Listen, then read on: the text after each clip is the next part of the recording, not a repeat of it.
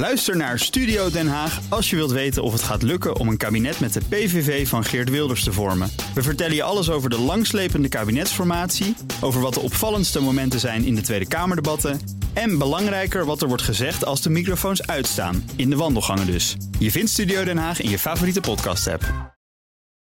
Deze podcast wordt mede mogelijk gemaakt door Amdax. Het handelshuis voor de serieuze cryptobelegger. Welkom bij deel 2 van de CryptoCast nummer 227, het podcastgedeelte. In het eerste deel hebben we het gehad over crypto-nieuws. Dat vind je als de vorige aflevering 227a. En nu gaan we het hebben over de Crypto-encyclopedie, een nieuw boek voor beginners van Krijn Soeterman. Welkom Krijn ja. als gast. En mijn co-host is Robert Reinder Nederhoed, oprichter en CEO van Bit My Money. Goedemiddag. Ook hartelijk welkom. Uh, voor we beginnen nog eventjes uh, dit. De cryptomarkt professionaliseert. Veel particuliere, zakelijke en institutionele beleggers nemen nu cryptovaluta op in hun portfolio. En toch wordt het cryptodomein vaak nog gezien als een anoniem online gebeuren. Voor Amdax is het juist volkomen persoonlijk cryptovaluta opslaan, verhandelen of het beheer van je cryptovermogen volledig uit handen geven. Amdax is er voor de serieuze cryptobelegger die zijn portefeuille wil onderbrengen bij een veilige en professionele partij. En van de redactie van de Cryptocast het volgende. Als je graag luistert naar de Cryptocast, vergeet dan niet je te abonneren. Dan ben je elke week direct op de hoogte van de nieuwste aflevering. Krijn Zoetman, wanneer dacht jij er moet een crypto-encyclopedie komen? Nou, ik, zou, uh, ik, ik, heb dat zelf niet bedacht, eigenlijk. Ik, uh, je, je moest het. Ik, nee, ik moest het niet. Nee. nee, ik werd op een gegeven moment uh, gebeld, of via LinkedIn, ik weet het niet eens meer. Um, toen werd ik benaderd door iemand van de uitgever Ensi. En die vroeg uh, of ik eventueel een, ja, een verhaal zou willen schrijven. Tenminste, gewoon een, een, een encyclopedie zou willen maken over crypto. En volgens mij heette het toen nog Cryptovaluta-encyclopedie. Um, ja, en, en dat, toen heb ik op een gegeven moment gezegd: ja, dat lijkt me eigenlijk wel heel erg leuk. Want ik deed dat soort dingen toch ook wel vaker met, ja, gewoon dat je online uh, wikis bijwerkt en dat soort dingen. Hè. Ja. Dat is ook een, maar uh, ja, dit is een offline wiki eigenlijk. Jazeker. Maar, maar dan, uh, ja, en ik denk dat het nuttig is omdat het gewoon wat, uh, ja, het, het, het staat wat vaster, zeg maar. Ja, um, begrippen vastgelegd, geformuleerd en toegelicht. Ja. Um, maar waarom dan een boek? Waarom op papier? Ja, dat, dat heb ik dus op een gegeven moment aan de uitgever gevraagd. Van waarom, waarom zou je nog een papieren boek uitbrengen? Nou, dat, dat heeft verschillende redenen. Een van de redenen is natuurlijk van... het is ook mooi uitgegeven. Dus het is ook, het is ook zeg maar, mooi om zeg maar, in de kast te zetten. En mensen vinden het ook prettig te geven. dingen te hebben, fysiek. Um, Nog altijd, hè? Ja, maar goed, ja. het is natuurlijk ook de basis voor, een, voor, de, voor de online versie eigenlijk. Uh, die, gewoon, uh, ja, die je ook gewoon kunt vinden.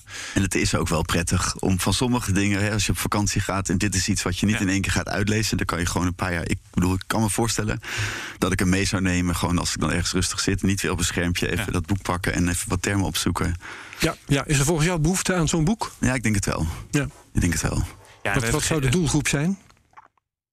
Ja, dat is wel heel breed. Maar ik denk wel iets dat je wel wat bij de ouderen zit die ook überhaupt wel van lezen houden.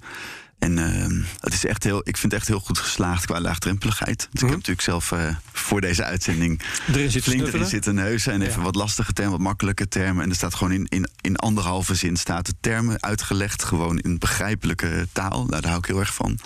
Gewoon in het algemeen ook voor ja. als je zelf iets gaat uitdragen. En daarna staat nog een klein, ja, toch halve pagina soms, of anderhalf soms zelfs. Hè, met wat meer achtergrond of de context. En uh, ja. jezelf de doelgroep zijn. Ik, ja, ik denk wel mensen gewoon die geïnteresseerd zijn, maar echt weg willen van die techniek. Gewoon begrijpelijke taal. Ja, ja. ja en ik denk ook van je, je hebt gewoon. En zeker als je bijvoorbeeld, ja, bijvoorbeeld, stel je bent een redactie. Je moet, dat is handiger om soms zo'n boek te hebben. Want dan kun je, als je op internet gaat zoeken naar termen rond crypto, dan is het echt wel een wild west. En je weet gewoon soms helemaal niet of het nou wel of niet klopt. Omdat je leek bent. Weet je, dat is, dat is best wel lastig. En um, nou is dat tegenwoordig al een stuk minder erg geworden, denk ik. Maar zeker een paar jaar geleden, toen er nog heel veel websites waren van uh, bepaalde, niet bij name te noemen, Bitcoin-varianten, die zichzelf door wilden drukken. Die Shitcoins. Hadden, ja, bijvoorbeeld Bitcoin Cash, die hadden op een gegeven moment Bitcoin.com gekocht, toch? Uh, ja. dat geloof ik wel, ja. ja. En, en daar werden dus bepaalde dingen toch wel even een klein beetje uit hun verband getrokken en zo. Dat is toch best wel. Ja, dat weet je niet als je gewoon leek bent. Je gaat naar Bitcoin.com en denkt, dit klopt wat hier dat staat. moet haast wel waar zijn, ja. ja, ja. ja. Ik heb. Um op een uh, willekeurige plek hier je boek opengeslagen en uh, bij de D en daar staat er Dogecoin, double spending, DYOR, do your own research, ja, ja, dat soort dingen. Um, hoe heb jij gekozen wat voor lemma's je zou opnemen? Ehm, ja, de uitgever die had al zelf al een, eh, een, een, een, lijstje. een lijstje bedacht. En ik heb er dingen aan toegevoegd en ook dingen weer uitgehaald. En het, ik moet zeggen dat je. dit is natuurlijk het lastige met een fysieke spannende boeken. vraag. Wat heb je er bijvoorbeeld uit? Wat, wat, wat heb jij gezorgd dat er niet in kwam? Eh, even kijken hoor. Dat heb ik. Ik hoop dat je daar een lijstje van hebt Ja, ik heb, een paar dingen, ik heb een paar dingen bijgehouden. Dat is voor de exclusieve editie. Ja. Ja, ja, ja. De, de, hoe heet het ook weer? De bijlage. De, Nou, ik heb bijvoorbeeld, eh, er staan een aantal, bekende, er staan een aantal bekende mensen in. Ehm, en daar stond bijvoorbeeld ooit nog eh, Plan B ook bij. Ehm, Oh, ja. Maar die heeft het dan toch niet gehaald. het Nederlandse orakel. Ja, en Dat, dat is meer van, je hebt, op, je hebt, zoveel pagina's, ja, en wat, wat stop je er dan wel of niet in? Nog een paar dingetjes van handel heb ik eruit gehaald, want we, we behandelen wel dingen over handel qua termen, maar ik ben, nou ja, zoals iedereen weet, geen eh, financieel of eh, handel-expert. Ja, handel als in trading. Ja, eh, zo, ja. Verhandelen van cryptomunten. Ehm, en wat dingetjes rond, eh, ja, eh, ge- gewoon wat termen die of toch ook al in andere termen zitten. Eh, dat is ook wat lastiger. Want ja, je hebt natuurlijk, als je een encyclopedie maakt, je, je zoekt op termen. En dat, het, sowieso is het heel anders schrijven dan een boek schrijven of een artikel schrijven. Ik bedoel, je hebt, Ja. dit zijn eigenlijk allemaal korte artikeltjes. En je begint eigenlijk elke keer opnieuw. En je moet steeds beseffen dat je, dat je aan het begin dan alles uitlegt. En dat als je een moeilijke term hebt, dat je die dus niet helemaal kunt uitleggen. Maar die moet je dan dus opnieuw uitleggen, maar een nieuw lemma. Want je kunt, ja, het is kort. Dus ja, als je, je hebt eigenlijk maar één pagina. Enkele lemma heeft iets meer, want dat zijn bijvoorbeeld eh, over Bitcoin en over Ethereum nog een paar andere. Goed, dat, die zijn gewoon wat langer, maar in principe is het één pagina. Ja, Ja, Dus ik, vind, ik, vind, ik ben best wel positief. Ehm, want als je te veel woorden gaat doen, dan is het weer, dan wordt je doelgroep dus weer smaller eigenlijk. Hè? Want je denkt van, oh, hoe meer, hoe meer er in het boek staat, hoe minst, meer mensen hun eh, interesse kan worden ingevuld. Ja. Maar het is ook zo, als je nu openslaat, dan zijn het ook gewoon algemene dingen. Ik vond er niet heel veel altcoin dingen in staan, heel, niet hele specifieke dingen. Dus als je zegt, ik wil een eerste stap maken. En had een voorbeeld ook van lastige volgens mij nog. Ja, als je hem opslaat en je krijgt drie keer een hele exclusieve term.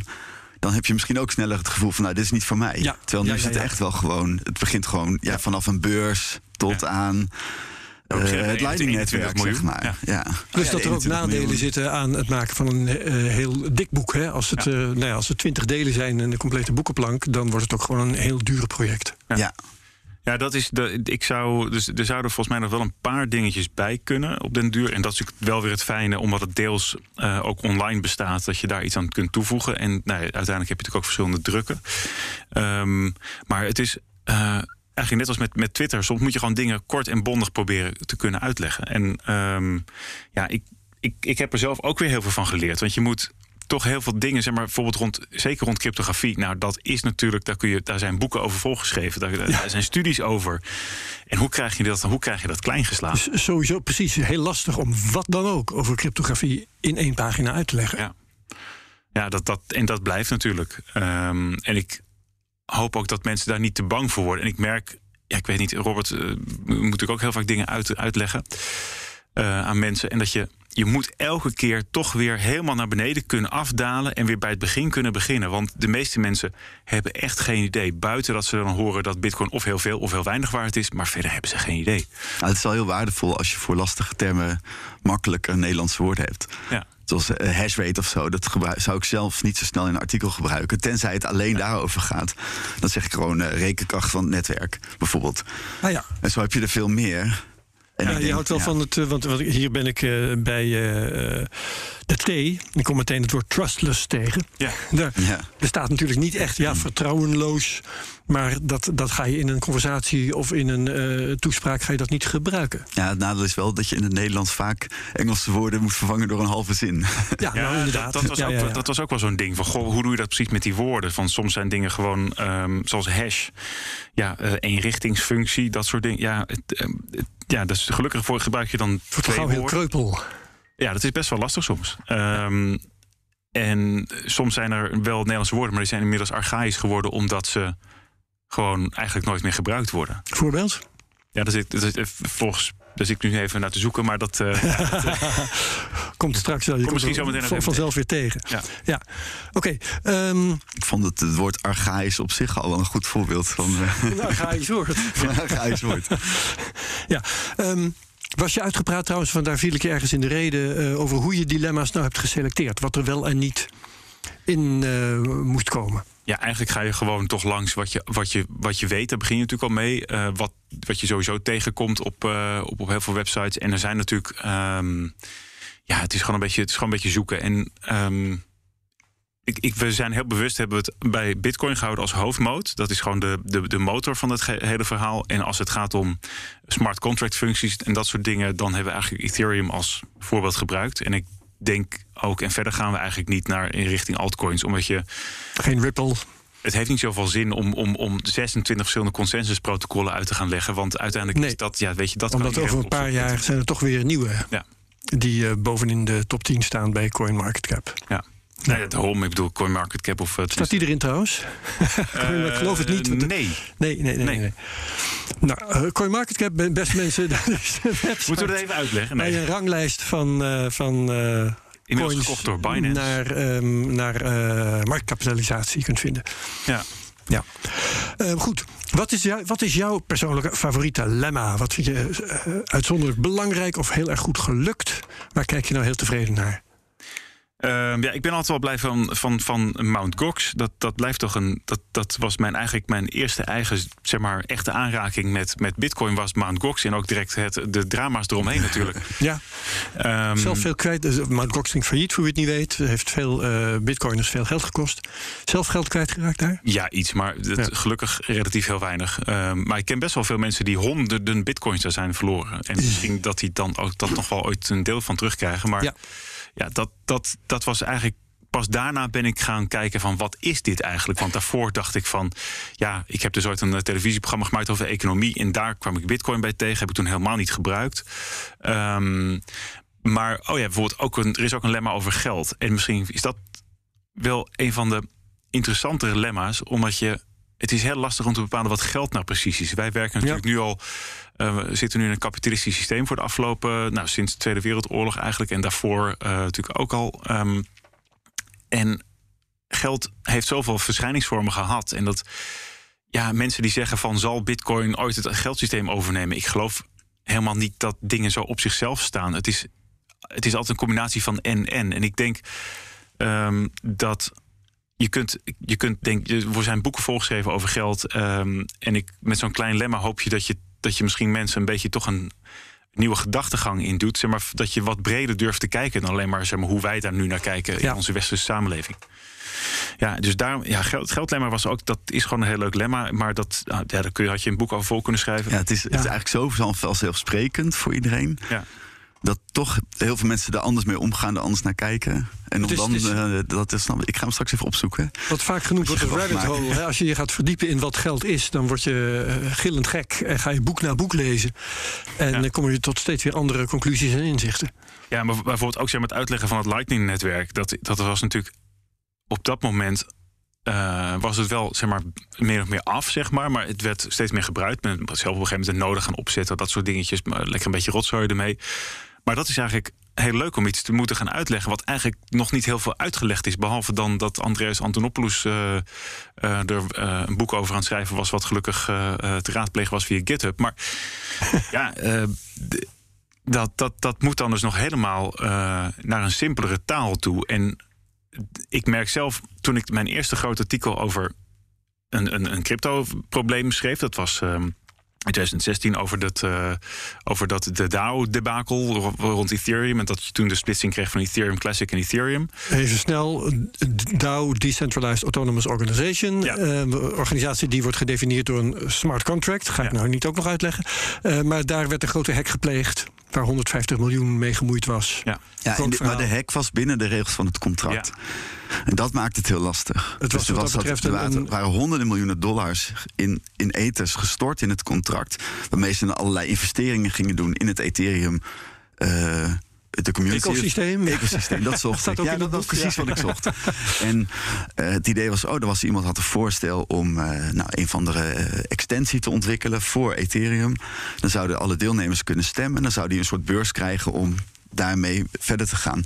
En toen was er in het contract ingebouwd. Vind je het leuk als ik heel even... Ja, ja, ja. ja, kom erop. was ingebouwd dat als je zeg maar... als er een, als er niet consensus was bij het investeren... dan kon je zeggen, nou, ik wil met mijn stukje wil ik eigenlijk een nieuwe DAO waarin wij samen gaan bepalen wat we met dit geld gaan doen. Uh, en iemand had uitgevonden dat als hij dat uh, ja, soort recursief ging doen, ja. dat elke keer als hij het deed, dat hij iets meer meekreeg dan erachter bleef. Dus de, eigenlijk langzaam liep de pot van de hele. De rest van de pot vloeide in jouw contract. Douw na, douw na, douw. Ja, dus je ging de hele tijd dat, dat, uh, die functie aanroepen. waarbij hij dus meer kreeg dan, dan die erin had gestopt. Dus toen liep de andere DAO liep uiteindelijk leeg. Ja. En dat geld heeft hij verstuurd. En toen kwam natuurlijk het probleem dat de mensen die uh, uh, bovenaan in Ethereum zouden staan, als je het zo mag zeggen, die toch echt controle hadden over de miners en over het protocol, die hadden ook 100 miljoen in het contract zitten. Ja. En er was een hele groep die had dat niet. En het was zo van ja, uh, de regels van het contract stonden dit toe. Ze zeggen zelf code is law. Dus ja, we moeten het eigenlijk accepteren. Dat was één lijn. En de andere zeiden: nee, dit is, dit is bewust uh, misbruik van, uh, van het contract. Het is niet de geest van het smart contract. Ja, ja, ja. ja, ja. en toen is, hebben ze besloten dat ze de, eigenlijk die transacties gingen terugdraaien. En dat is Ethereum nu. En Ethereum Classic is degene geweest die heeft gezegd: nee, het geld is gewoon weg. En, uh, of ik geloof niet dat ze terug hebben gedraaid. Ze hebben in ieder geval bevroren. Ja. ik denk dat ze het wel terug hebben gedraaid eigenlijk. Volgens mij werd het op een gegeven moment wel teruggestort. Ja, dus iedereen heeft zijn geld teruggekregen die in de DAO had meegedaan. Grote deceptie. Maar dat is wel de Ethereum die wij nu hebben. En Classic ja. is toch de hardliners hebben. Gevolg van een centralistische ingreep, hè? Ja. Maar ik herinner me nog, toen was er een blockchain-conferentie in Nederland. En toen stond, uh, hoe heet die, een van die ontwikkelaars stond toen op, op het podium. Vitalik? En die, nee. Ja, nee, nee, een van de ja. andere Vitalik uh, had ik wel onthouden. uh, en die, maar die zei toen ook van, ja, als we het opnieuw hadden mogen doen, hadden we betere governance ingebouwd. Gover Kevin, Kevin, Ja. Die Kevin, Kevin van die, Ja. die, ja, ja, ja. Dus, dus dat was. Uh, de, en nou goed, toen ging ik dus dat hele verhaal schrijven over Ethereum en de DAO-hack. Maar toen snapte ik er eigenlijk natuurlijk nog helemaal niks Nee. van. Ik had, ik had me wel wat meer erin verdiept, maar. ehm, je, je, je moest zelf zoveel nieuwe termen leren. En dat was voor een uh, groot uh, um, tech-platform, zeg maar, uh, een Nederlandse tech-website. En, die, ja, en, en daar moest dus die informatie inkomen. En toen heb ik dus heel veel mensen gevraagd van... goh, kun je meelezen, kun je helpen? Want ik, ik, snap, ik snap dit nog helemaal niet. En eigenlijk dan... Nou, toen op een gegeven moment een ander boek geschreven... zeg maar de, uh, de cryptovaluta voor dummies ooit. En heel langzaam kwamen op die manier al die blokjes... die gaan een beetje bij elkaar vallen. En op een gegeven moment kun je veel beter de essentie pakken... van waarom bitcoin bijvoorbeeld relevant is... of, of gewoon belangrijk is. En op een gegeven moment kom je erachter dat het iets eigenlijk zo simpels is dat, het, dat je bijna niet kunt voorstellen dat het zo belangrijk is. Namelijk zeg maar dat je een transactie wel of niet kunt doen. Ja. Maar dat je heel veel kennis moet hebben om, die sim, om dat te begrijpen dat dat zo relevant is. En dat is best wel. Zonder, zonder ja. dat daar weer een tussenpartij bij zit. Ja. En dat het, ja. Robert dat maakt het bijzonder. Ik, ja, Robert Reiner, eh, wat ik van jou eigenlijk wil weten, eh, kijkend naar dit boek, eh, is er ook iets wat je mist? Nou, dat is grappig. Het Ik ben blij dat u mij deze vraag stelt. Ja, ja, want ik wou inderdaad net toch. want ik ben tot nu toe heel positief geweest. Dat ben ik nog steeds hoor. Ehm, ik zag alleen eh, bij Lightning zat er een hele mooie afbeelding bij. Ja. En toen dacht ik ineens, hé, hey, het valt me eigenlijk nu pas Plaatjes. op dat er heel weinig afbeeldingen in het, eh, in het boek zitten. En nou, dan, dat is eigenlijk een vraag van, is dat bewust? Nou, we hebben wel. Er staan iets van, ik denk een stuk of twintig afbeeldingen. Um, uh, ja, dat is ja, bewust. Um, ja, er zitten wel gewoon- Afbeeldingen maken Ja. een boek duur, weet ik. Uit Ja. mijn contacten met uitgevers. Die zijn daar vaak heel erg tegen. Nou, en het, is, en het is ook niet makkelijk om hier bij veel van die dingen een, een afbeelding te maken. Het is echt, het, ja, ik, ik, het was best wel een, Misschien eh, is het ding voor, nodig, de, zeg je voor, de tekenaar ook eigenlijk. Voor de, voor de ontwerper. Oh ja. Ja, want er, er zijn dus wel verschillende afbeeldingen. Bij Blockheader staat Ja. bijvoorbeeld- Blockchain is ook heel interessant om te illustreren natuurlijk. Dat Ja. helpt ook eh, je inzicht in wat het is te verbeteren. Dus dat is een goede keus. Eh, maar er waren duidelijk wel beperkingen aan. Ja, en ik, ik moet ook eerlijk, heel eerlijk zeggen dat ik niet precies weet uh, wat de afwegingen zijn geweest om hoeveel afbeeldingen wel of niet te maken. Ja, volgens mij staan er iets van 20 in. Maar dat. Uh, Ja, nou, dat is niet eens een hele slechte score. Maar is een afbeelding duur om te laten maken of is het gewoon voor het printen? allebei. Allebei, oké. Ja, ja en, en zeker. En, eh, ehm, zwart-wit of kleur, uh, of alleen één kleur, hè, monochroom zeg maar. Dat zijn uh, verschillen in kosten. Um, laten maken is natuurlijk sowieso veel duurder dan uh, foto's uit een of andere, of wat voor plaat dan ja, ook, uit ja. een of andere archief vissen. Nou, dus dat zijn allemaal dingen waarover nagedacht moet worden. Wat ik het knappe vind is, is dat het toch, um, het, ze zien er allemaal heel erg simpel uit. Maar ik weet zelf dat, ik heb dan een aantal voorschetsjes aangeleverd en zo, dat het vreselijk moeilijk is om het zo simpel te eruit zien, te laten uitzien. dat is veel complexer complexer dan heel veel mensen denken vaak. Dus ja, dat uh, is heel ingewikkeld om iets simpel te maken. Ja. Ja, dat is goed. Um, hey, uh, dit is typisch een boek dat geregeld zal moeten worden geüpdate, of niet? Ja, er zijn, het, hetgeen wat je zou moeten updaten zijn vooral dingen die uh, een beetje ouderwets aandoen als de prijs bijvoorbeeld echt heel significant wijzigt. Ik, ja. En, maar bijvoorbeeld bij, bij voorbeelden als er iets met geld of iets met prijs gebruikt, ik gebruik dan gewoon wel één bitcoin en dat soort dingen. Je moet het wel gewoon leesbaar houden.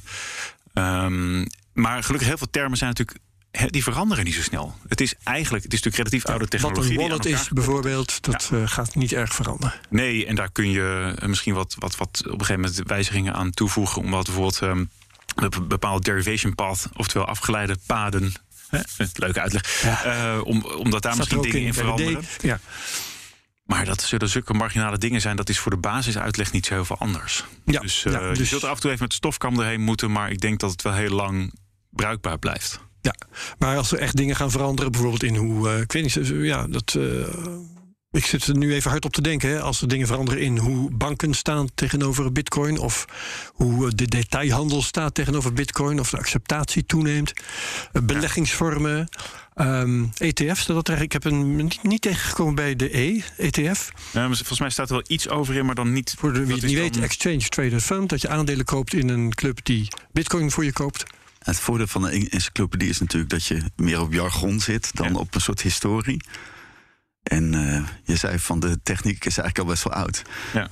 Als in de, de dingen voor Bitcoin. Maar Bitcoin zelf verandert eigenlijk ook niet zo heel erg veel. Nee. Uh, nee. Iets als Lightning Network, dat uh, is ja, niet dat elk jaar. Dat is dan nieuw. Ja, dat, dat is, relatief nieuw. layer, dus niet eens basisprotocol. Ja, ja en Taproot natuurlijk. Dat is ja. natuurlijk iets. En kijk, dat zijn dingen die gaan zo langzaam. Dat kun, je, dat kun je wel gewoon uh, uh, toevoegen op een gegeven moment. Maar bijvoorbeeld ook bij Ethereum, dat ja, natuurlijk heel veel dingen zijn gebaseerd op ERC20 munten op een gegeven moment. En dan hebben eigenlijk al die andere muntjes hebben dat gekopieerd, die systemen, min of meer.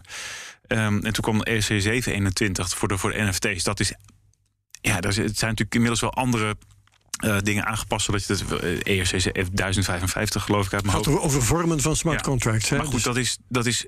Ik denk dat je dan eigenlijk al voldoende hebt aan de uitleg van twee hele specifieke.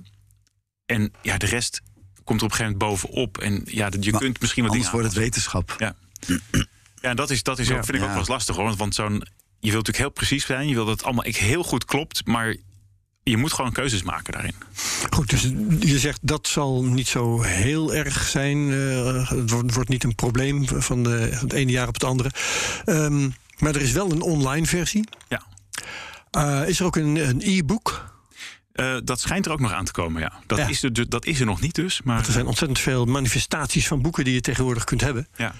En ook dat zijn keuzes die de hele tijd moeten worden gemaakt. Ja, ik denk dat het. Want we hebben het net over ook een paar termen gehad die niet per se in de, in de inhoudsopgave staan, maar dat die wel in het boek staan. Dus dan je kunt makkelijker mm -hmm. zoeken in een e-book dan in een fysiek boek natuurlijk. Dus dat is uh, zeker waar. Ja, ja. Maar ik vind bijvoorbeeld ook dingen van als ik.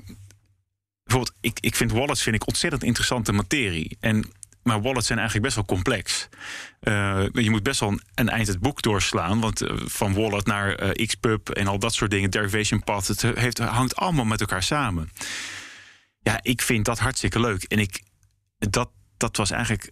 Ja, als ik als je dan Non-lineair lezen. Ja. Van de ene bladzijde naar de andere springen. Ja, maar bijvoorbeeld. Kijk, ja, ik, ik, had al, ik had ook bij het doorbladeren dat ik denk, oh, ik zou hier eigenlijk willen klikken. Ja, ja precies.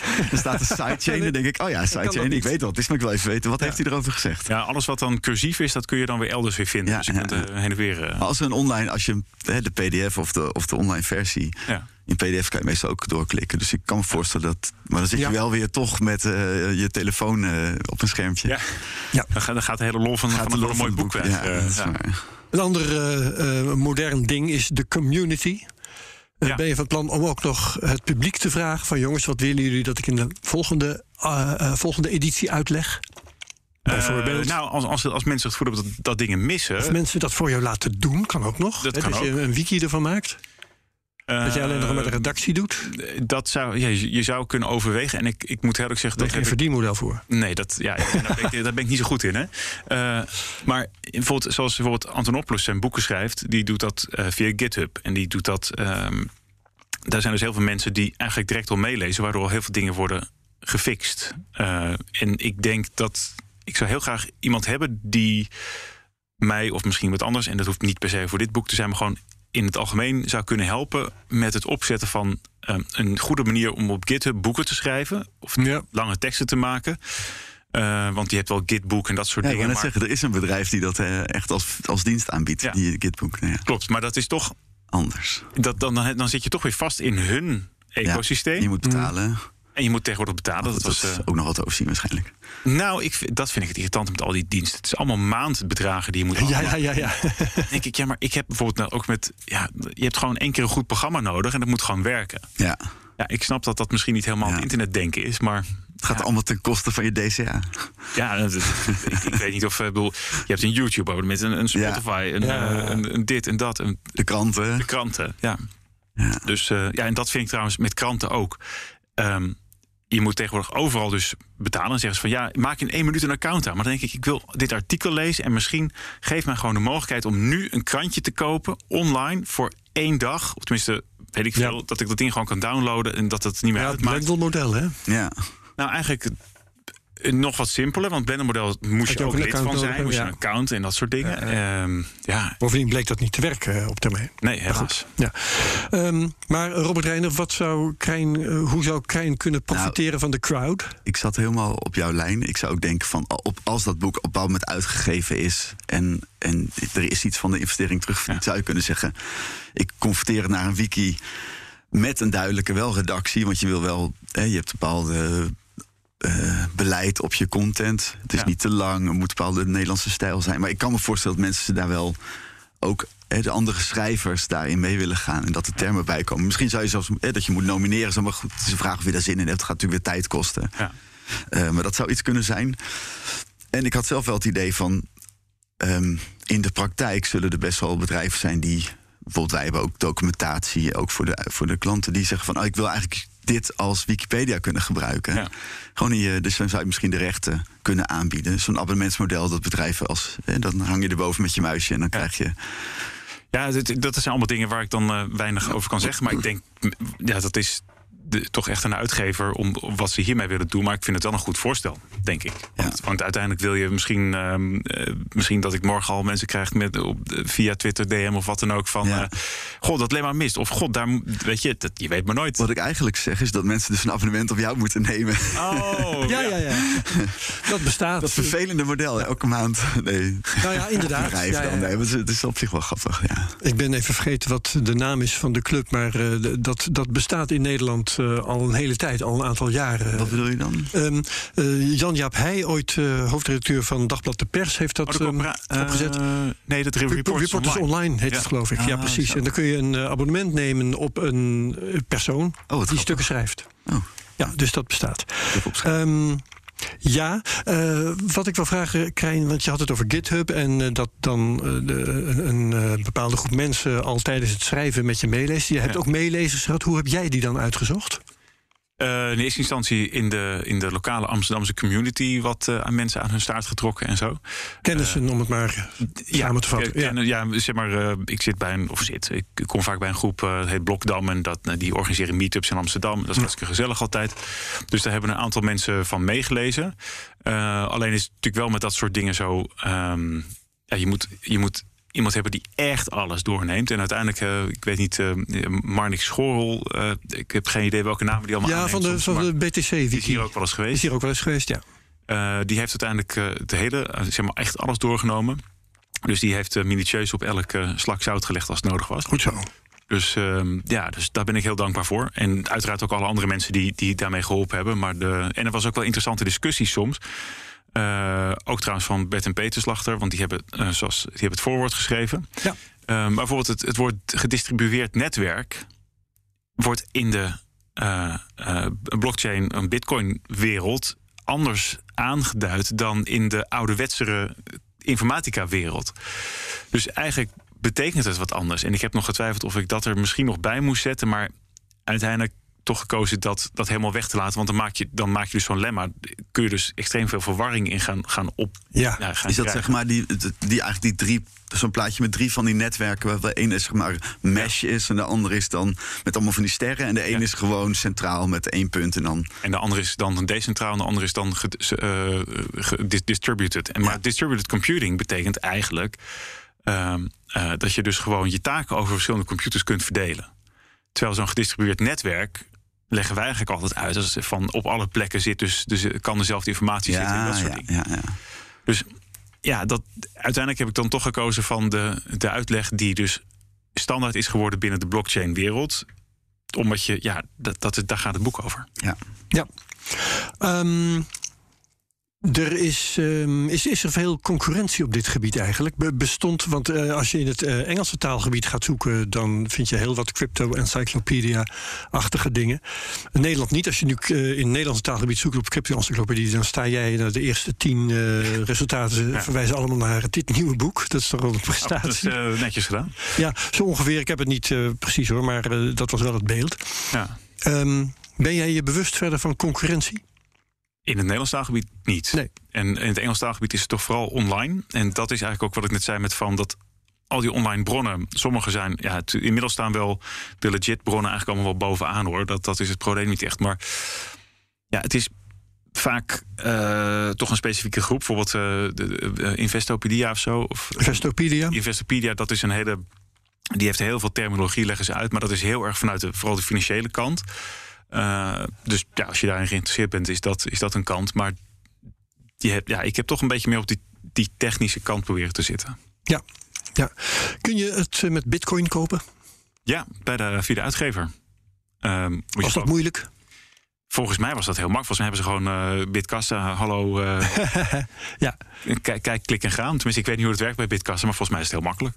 Ja, ik herinner me Dat eh, Lightning en gewone. Ja, Ja, dus eh, oké, Lightning goed. kan en gewoon. En eh, ja, Lightning werkt hartstikke prima. ik herinner me nog dat bij het ehm, eh, in de handel brengen van Ons Geld is Stuk, het boek van de slachtertjes, ja. dat eh, de heren eh, nog hebben verteld, ook bij, bij de lancering van hun boek, dat ze zelf moesten programmeren om dat allemaal voor elkaar te krijgen.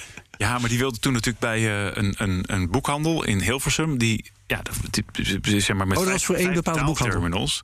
En ehm, ik denk dat je daar ja. wel even mee aan de slag moet, ja, zodat het overal werkt. Maar ik ben bij die lancering geweest, dat was hartstikke leuk. En direct zijn mensen komen daarmee in aanraking.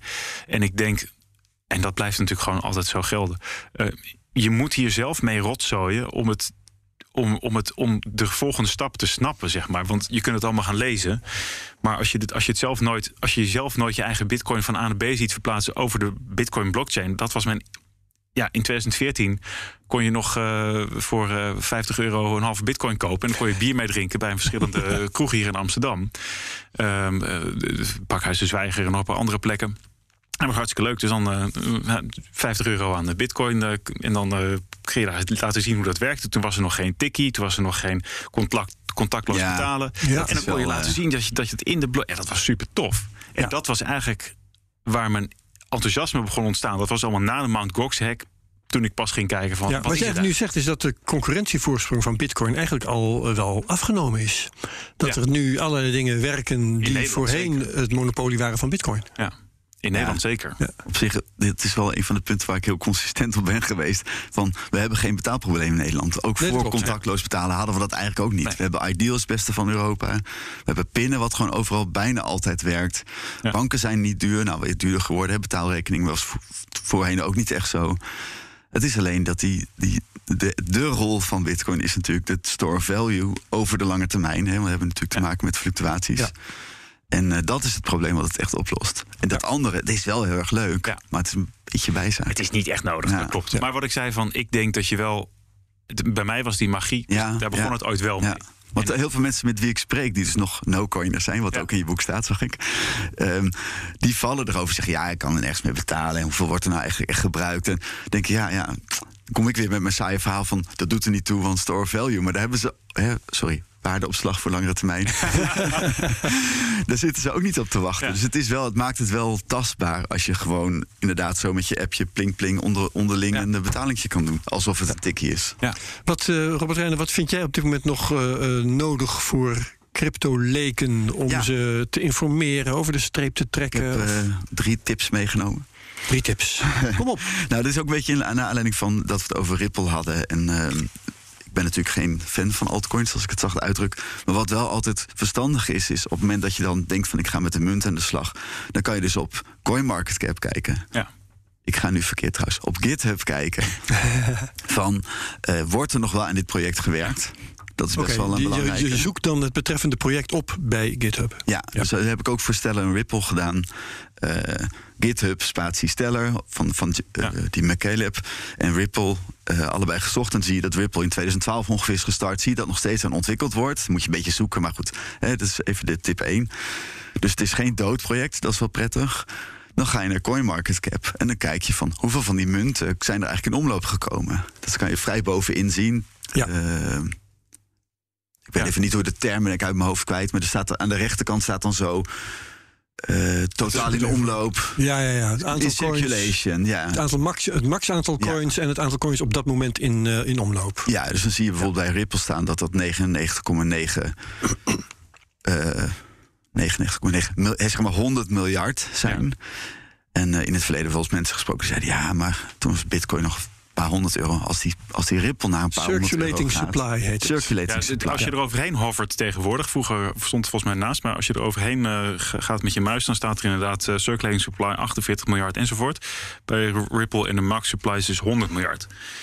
Ja, en, eh, dus dat is inderdaad interessant. Dat vond ik trouwens ook altijd zo interessant in eerste instantie met Ethereum, wat eh, een, een limited supply heeft vooralsnog. Ja, En dat gaat wel veranderen, maar Ja. het is ja, Ja, die krimpt op dit moment zelfs. Hè. Ze hebben een deflatie Ja. ingevoerd. en dan probeer ik uit mijn hoofd uit te rekenen. verhalen. Maar bij Ripple is het dus zeg maar even 100 eh, miljard. En bij Ja. Bitcoin is het dan 21 miljoen. Dus dat is volgens mij een factor Eh, 5000. Dus er zijn 5000 keer zoveel Ripples in omloop. Dus zelfs als Ripple eh, zou bereiken op, in waarde wat Bitcoin nu is, dan moet je nog steeds, zeg maar, dat door, hè, dan moet je dat nog eigenlijk door 5000 delen. Dus dat, dat is, nou, dan zou je op een Ripple komen van. eh nou, 18.000 Nou. gedeeld door 5000, Ja, dus je- eh, 3,5 euro.